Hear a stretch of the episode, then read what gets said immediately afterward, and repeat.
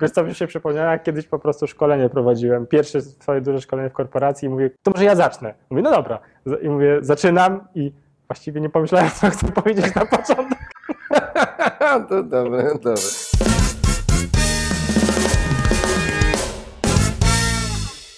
A teraz wiesz, co masz powiedzieć? Tak. To jeszcze raz. Cześć. Cześć, Witam serdecznie. Dzisiaj ty zaczynasz. Dzisiaj ja zaczynam. Okej. Słuchaj, więc To y, żeby, no tak, powie, Mhm. Porozmawiajmy o czymś, o czym możemy porozmawiać, y, w czym rzeczywiście mamy doświadczenie, czyli wywołania przedsiębiorczości czy ducha przedsiębiorczości u dzieci. Aha. Pewnie Mhm. matki naszych dzieci będą się śmiały troszkę, ale co zrobić? E, Duch przedsiębiorczości tak. u młodego pokolenia. Ja powiem szczerze, Aha. że mojego syna udało się to y, wywołać. Nawet zastanawiałem się, czy nie przesadziłem troszkę, Aha, aha. bo y, takich anegdot będę miał jeszcze pewnie dzisiaj kilka, ale na, na przykład ostatnio się dowiedziałem przez przypadek gdzieś tam na Facebooku, że nie ma już cukru waniliowego, nie? Tylko jest cukier waniliniowy. Wanilinowy. Wanilinowy, no. Wanilina, tak? Czyli coś Dużo zakładów na Tak. tym wygrałem. produ- sam wiesz, z, e, wcześniej z Z krowego łajna, a teraz jakiś Aha. tam chyba z ropy, nie? Jak to pokazałem i przyszedł rano syn y, do, do pokoju i założył, do kuchni zauważył, że jest zaznaczony na, Na cukrze cukrze. Wanilinowym N. Aha. No i się zainteresował, co to jest. No mówię, że odkryłem coś takiego, no i że no i tutaj znalazłem przepis, jak robić prawdziwy cukier, nie? Waniliowy. Aha. No to jak mu się spodobało, mówi, tatusia, możemy taki cukier zrobić i, z, i, i zrobić stragany ze zdrową żywnością i od razu sprzedawać. I to był cały ranek na to zszedł i jak już to zaczął planować wszystko, no Aha. ostatecznie musiałem powiedzieć, że no wie, żeby produkować żywność i ją sprzedawać, trzeba mieć odpowiednie uprawnienia. No bo inaczej to bym stał dzisiaj po prostu na przystanku autobusowym z cukrem waniliowym Waniliowy. i musiał go sprzedawać. Nie? Zdrowy, ekologiczny cukier. Także mój syn szuka e, w tej chwili, e, jest tak, tak mu się to spodobało, że szuka wszędzie możliwości zarobienia pieniędzy i jeszcze tam o, o tym powiem. I, I mi się osobiście to strasznie podoba. A Wiem, ile że ma lat twój syn? 8,5. Osiem. Oj, to szybko zaczął. Tak, no ja go zacząłem Aha. uczyć. Jedną z rzeczy, którą y, zrobiłem, to było kupienie książki Pieniądze na stół. Bardzo fajna książka, która opisuje wszystkie te, te rzeczy, które się uczy na makroekonomii na studiach. Aha. Czyli wiesz, popyt, podaż, y, wszystkie zależności między pieniądzem, jego wartością, inflacja, deflacja, to wszystko tam jest. Plus ładne rysunki dla dzieci i zacząłem mu to czytać. Nie? I od tego Mhm. zaczęliśmy jedną z edukacji. Ale czytasz mu to jakoś przed snem? Tak, czytałem, czytałem, To jest bajek, rozumiem. czytałem mu to. Znaczy, Wow. E, tutaj jest e, kwestia książek. Nie? Mm, Ja, znaczy to jest tak, to jest zasługa mojej żony, żeby nie było jasne. Moja żona e, postawiła sobie taki, nawet nie cel, e, tylko zasadę, że codziennie czyta e, naszemu młodemu książki e, i to schodzi na to minimum pół godziny. Ja później się dołączyłem i tak machnęliśmy kilka Harry'ego- Harry Potterów, rozdział dziennie, nie? Dosłownie. E, Także ten okres czytania wieczornego rozciąga się nawet do godziny, e, ale to jest jedna z fajniejszych rzeczy, nie? bo zwłaszcza jeżeli wrócę czasami y, z pracy później, bo mam na przykład jakiś webinar albo szkolenie albo coś, to jest taki, taki moment, kiedy mogę spędzić z synem czas na czymś produktywnym. Więc e, uczenie go czytania książek to jest taka jedna z. E, znaczy inaczej, my mu czytaliśmy książki, nie musieliśmy go zachęcać do czytania książek. On sam zaczął czytać książki, nie? Czyli oprócz tego, że my mu czytamy, to on sobie jeszcze idzie do biblioteki i po prostu wypożycza sobie książki, które go interesują i sobie czasami patrzy, on siedzi na łóżku i czyta jak- jakąś książkę, nie? I to za- Na co przykład makroekonomię no, dosłownie. albo fizykę kwantową. No wiesz, te rzeczy, które, pojęcia, które on już Aha. zna z zakresu pieniądza i tak dalej, Mhm. których nie nauczy go nikt w szkole, do, dowiedział, dowiedziałby się dopiero, jakby poszedł na studia makroekonomiczne, nie? czy tam studia ekonomiczne jakiekolwiek. Wiesz, jest pewne niebezpieczeństwo, że on w ogóle wtedy na studia nie pójdzie i zacznie się zajmować biznesem. No cóż, Tak jak większość miliarderów, ja, którzy rzucają studia w cholerę tak, ja się, ja się śmieję, y, że kończąc studia statystycznie zmniejsza swoje szanse na zostanie milionerem, No niestety czy tak miliarderem. Jest. A wiesz co, a propos jeszcze mojego syna, mój syn ma 10 lat teraz. Mhm.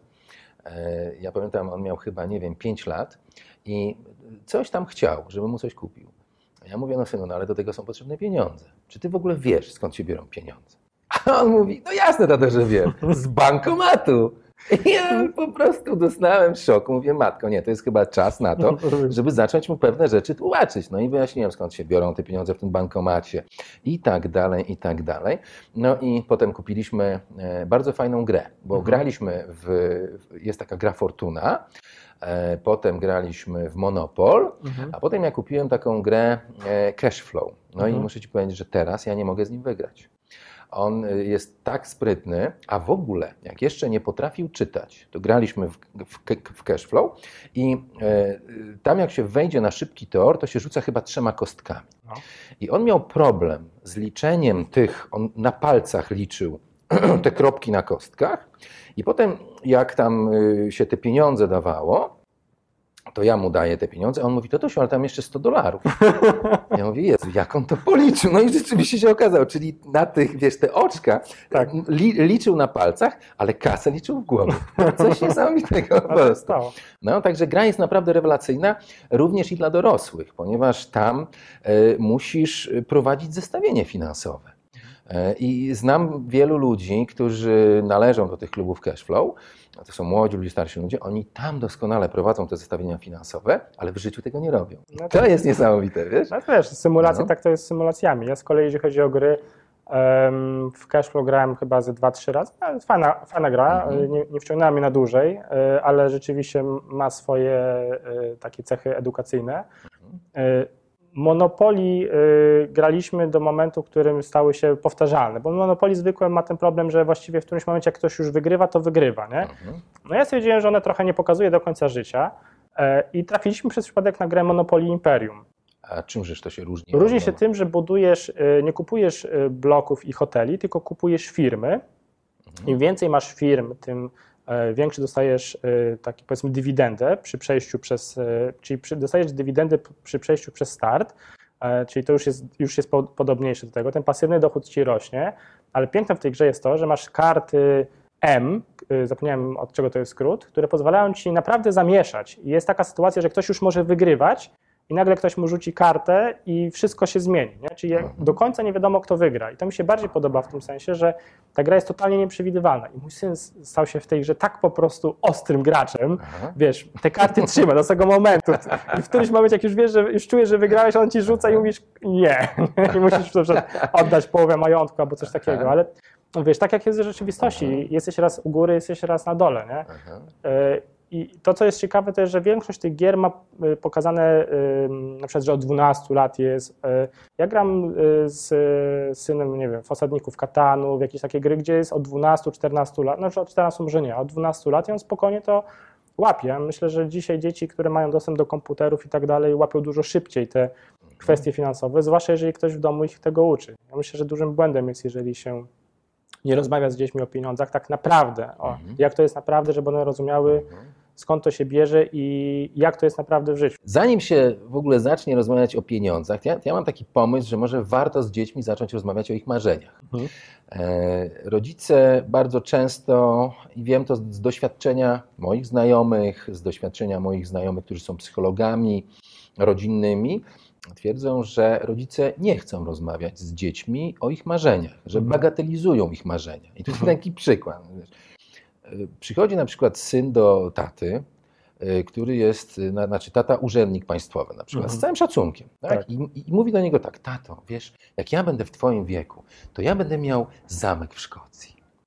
Co ten tata może mu powiedzieć, tak? Mówi bardzo często mi tak, chłopie, jaki zamek w Szkocji? Ty się ucz, musisz mieć dobre oceny, żeby znaleźć dobrą pracę, prawda? I Zobacz mnie na przykład, co ja mam z tego życia? Wiesz, I dziecko już wie, że lepiej się nie wychylać z takimi rzeczami, Tak. bo to może zdenerwować tylko te tak zwane autorytety. A przecież zamek Szkocji można by poszukać w internecie, ile kosztuje, zrobić plan finansowy, powiedzieć, No więc, no więc właśnie. musisz zarabiać tyle i tyle. No więc to właśnie. ile możesz teraz... Więc, A wiesz, co można później zrobić? Stary, że ci przerwę jeszcze. aha, aha. Przecież jak to można, tak naprawdę można powiedzieć dokładnie to samo, co powiedział ten ojciec. Powiedzmy, że jesteśmy rodzicami, którzy wierzą w etat. E, My nie jesteśmy, ale powiedzmy, że jesteśmy, Mhm. nie? Z trudem sobie to próbuję wyobrazić, ale No nie jest to łatwe, masz no, rację. no to zobacz, y, szukamy z dzieckiem zamku w Szkocji. Spokojnie myślę, że znajdziemy gdzieś Na do, do kupienia. Tak, znaczy na Allegro może nie, na, na eBayu by, Na eBayu, właśnie, zamek tak, Szkocji na żebyśmy eBayu. zaleźli, bo można Aha. kupić wyspę przez internet, a przynajmniej są oferty, no to i zamek też się znajdzie. Mhm. Robimy plan finansowy, powiedzmy zakładamy, że no realnie powiedzmy w wieku 40 lat ten dzieciak mógłby sobie kupić ten zamek w Szkocji. No nie, nie wrzucamy mu zbyt dużych wy- wymagań, nie? Mhm.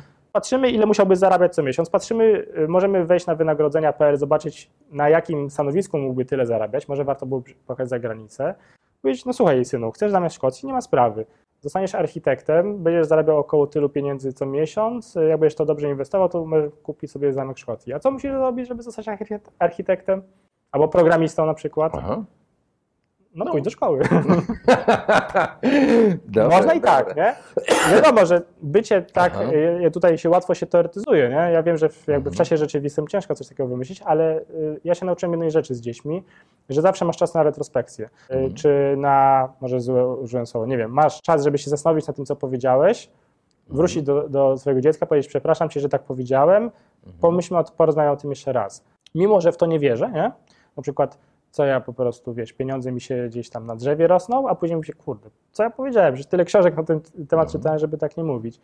I, I zdarzyło mi się parę razy, że coś powiedziałem, takiego, taką typową właśnie rzecz, Mhm. przemyślisz, idziesz do dziecka, jeszcze raz spokojnie z nim to omawiasz i to zauważyłem, że działa, nie? Nikt nas nie uczy tego, w jaki sposób edukować dziecko pod tym względem przedsiębiorczości. Przecież nawet szkoła nie uczy przedsiębiorczości. No, Nie. przepraszam cię bardzo, ale Oducza raczej. No więc właśnie, wiesz, no, nie dość, że oducza kreatywności, to kompletnie nie uczy przedsiębiorczości. Ja słyszałem, że w liceum e, są lekcje z przedsiębiorczości.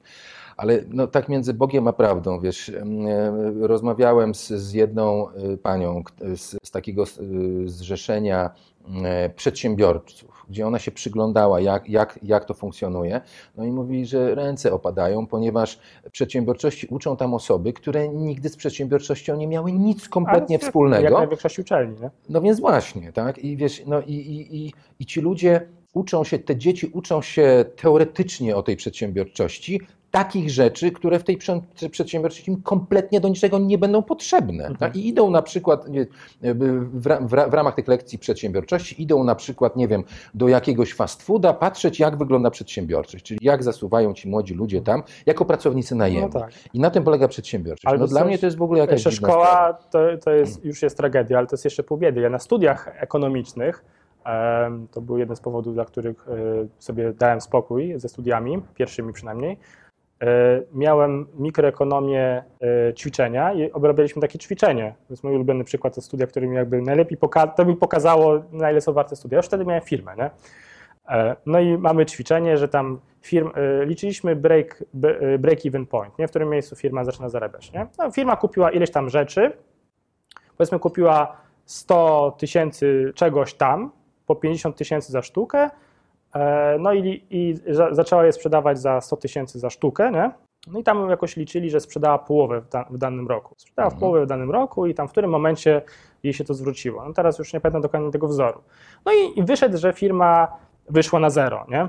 Wyszła na zero, mimo tego, że sprzedała w sumie, sorry, sprzedała za mniejszą kwotę niż zrobiła zakup, nie? Mhm. Ale to, co sprzedała, tą część, którą sprzedała, sprzedała połowę zapasów, sprzedała z zyskiem. No i mamy wynik, nie? Ja tak zgłaszam rękę, miałem już wtedy ksywkę problem, nie? Ja mam takie pytanie, nie?